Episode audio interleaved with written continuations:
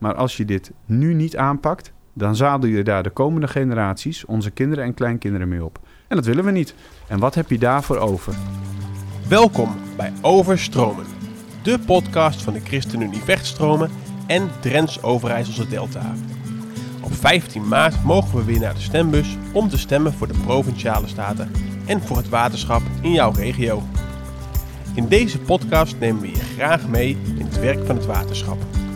Vraagstukken die ons in de komende jaren allemaal raken en natuurlijk welke visie wij als ChristenUnie hierover hebben. Goedemorgen, ik ben Martine Buursten en vandaag gaan we het hebben over de gezonde leefomgeving. Een gezonde leefomgeving. Nou, dat klinkt mij als muziek in de oren. Maar hoe ziet dat eruit en wat betekent het voor mij en wat heeft het waterschap ermee te maken? Allemaal vragen die we vandaag gaan bespreken met Hugo Tromp. Hij is nummer 1 op de lijst voor de ChristenUnie voor waterschap Vechtstromen. Welkom Hugo. Dankjewel. Je hebt jezelf al even voorgesteld in de eerste podcast die we hebben opgenomen. Ja. Dus uh, nou ja, voor de luisteraars uh, die nog niet weten wie je bent, zou ik zeggen, luister de eerste podcast. Zeker. Ja.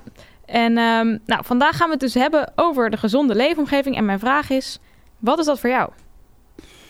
Ja, wat is een gezonde leefomgeving? Nou, als ik het zou moeten samenvatten en een beeld daarbij zou moeten geven, dan is dat een omgeving waar veel groen is en waar veel blauw is.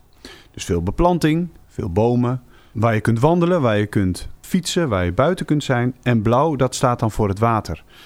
En water speelt in een gezonde leefomgeving ja, een cruciale rol. Want schoon water, schoon drinkwater, is van levensbelang. En daarmee heeft direct het waterschap ook een, uh, een taak. Wij zijn geen drinkwatermaker, dat, doet, uh, dat doen andere bedrijven. Maar wij zorgen er wel voor dat de waterkwaliteit goed is. Dat is ook een taak. En dat hoort helemaal bij een gezonde leefomgeving.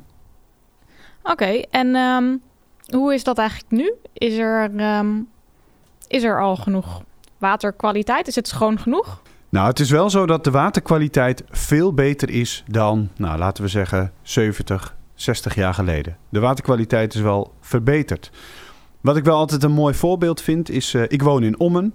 Ommen is een prachtig stadje aan de Vecht. En als je naar Ommen kijkt, dan was dat vroeger een stad die eigenlijk een beetje met zijn rug naar de Vecht toestond.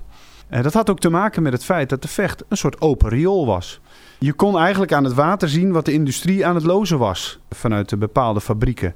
Het was vies water, het stonk, nauwelijks vissen en uh, een ander leven. Nou, dat is nu wel anders. Als je nu naar de vecht kijkt, is het veel schoner. En dat zie je meteen aan hoe Ommen zich uh, ontwikkelt. Ommen lijkt zich weer met, uh, met zijn gezicht naar de vecht toe, toe te keren. Er wordt gebouwd op de oever. Er zijn restaurantjes die uitkijken op de vecht. Er lopen wandelpaden en fietspaden langs. Dus je ziet daarmee ook de waarde van schoon water. Ja, dus eigenlijk is er ook in de, in de loop der jaren heel erg veranderd hoe we naar water keken. Eerst was het een beetje het afvoerputje voor, voor de industrie. En nu bouwen we dus met, met het gezicht naar, naar het water toe. Omdat we daar willen recreëren en op willen varen en van alles mee willen doen. Jazeker. Ja, de waarde van water die is, uh, die is wel, uh, wel bekend. En die was altijd bekend. En wat we zien is dat de waterkwaliteit veel beter is. Maar wat de ChristenUnie betreft nog niet schoon genoeg. En dat heeft onder andere te maken met dat er nog best veel in het water komt wat schadelijk is. En dat zie je niet zo gauw. En dat noemen we ook met een wat lastiger woord microverontreiniging. En dan moet je denken aan hele kleine stukjes plastic die je met het blote oog nauwelijks kunt zien.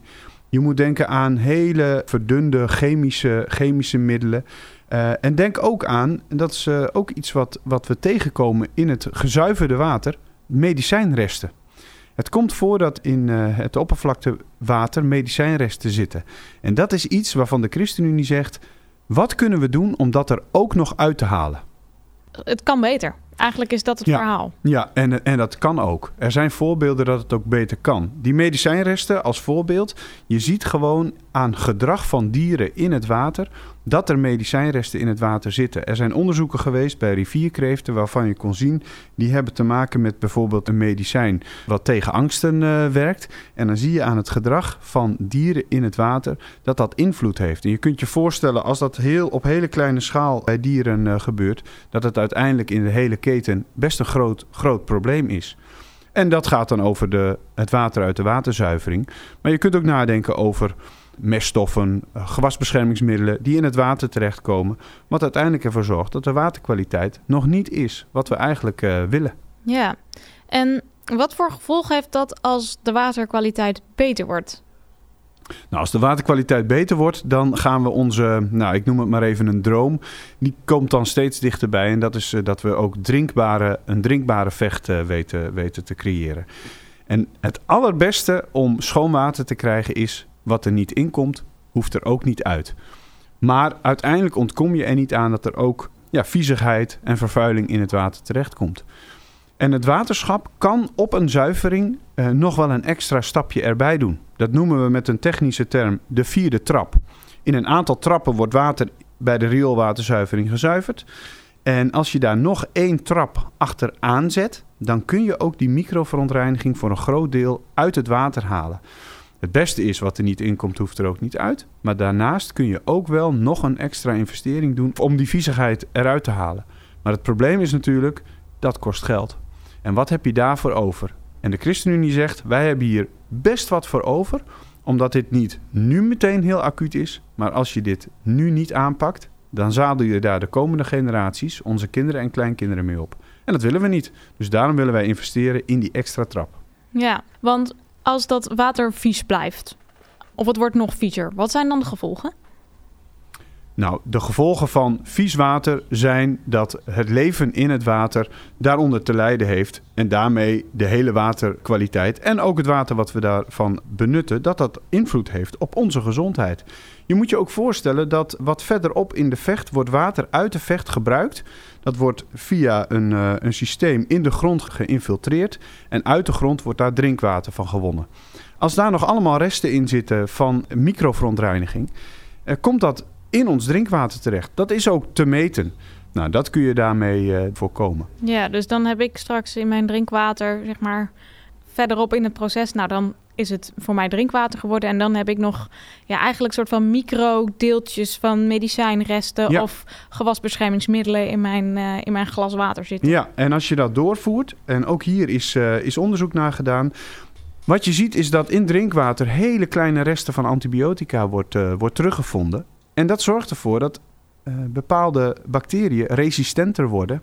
En daardoor zullen we steeds weer ook in die ontwikkeling door moeten gaan. Dus je, het, het raakt de hele keten, heeft het, uh, heeft het grote invloed. Ja. Ja, hey, je begon deze podcast met uh, aandacht voor groen en blauw. En nu hebben we het eigenlijk heel veel gehad over blauw.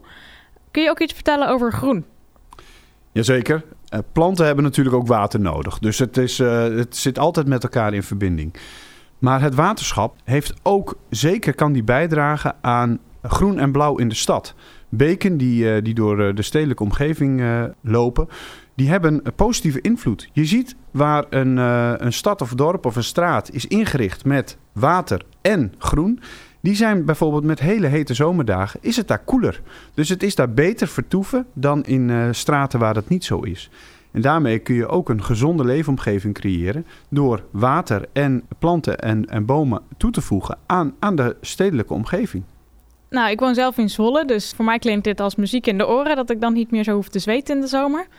En dat maakt zich dus heel concreet door, door ja, meer groen en water, meer groen en blauw toe te voegen in de stad. Ja. En ligt daar dan ook een rol voor het waterschap? Daar ligt ook een rol voor het waterschap. Wat je ziet is dat op dit moment op heel veel plekken het regenwater, wat op de huizen valt en op de straat valt, dat wordt via de put afgevoerd naar het riool. Regenwater is over het algemeen best schoon water. En toch wordt dat in de rioolwaterzuivering allemaal gezuiverd. Dat hoeft niet. Je kunt dat ook afkoppelen. Je kunt ook zeggen: regenwater koppelen we af van het riool. En dat laten we gewoon over de straat heen lopen.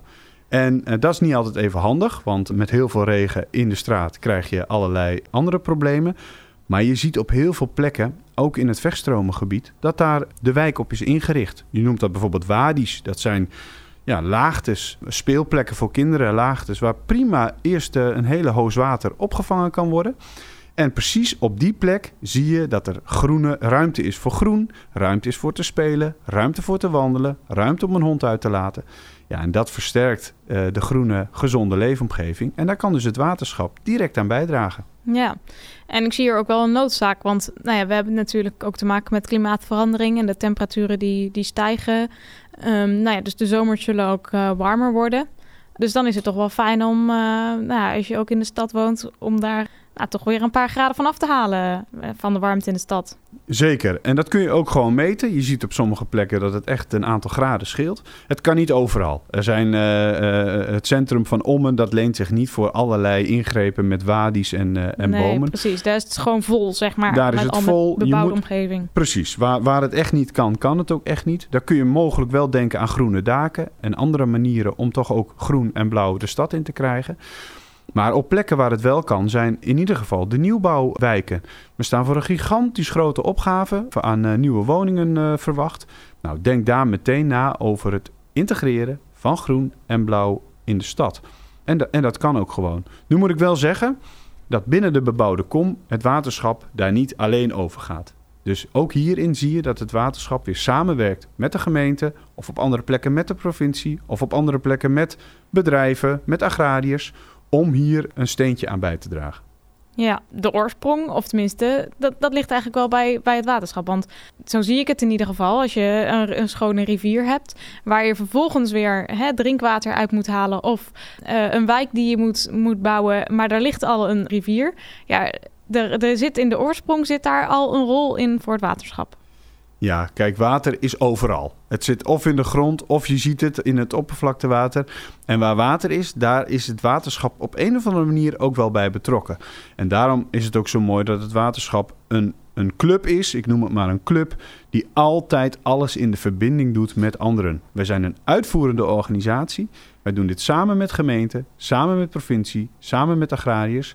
Maar wij zitten wel aan tafel, want iedereen is door het water onze buurman of buurvrouw.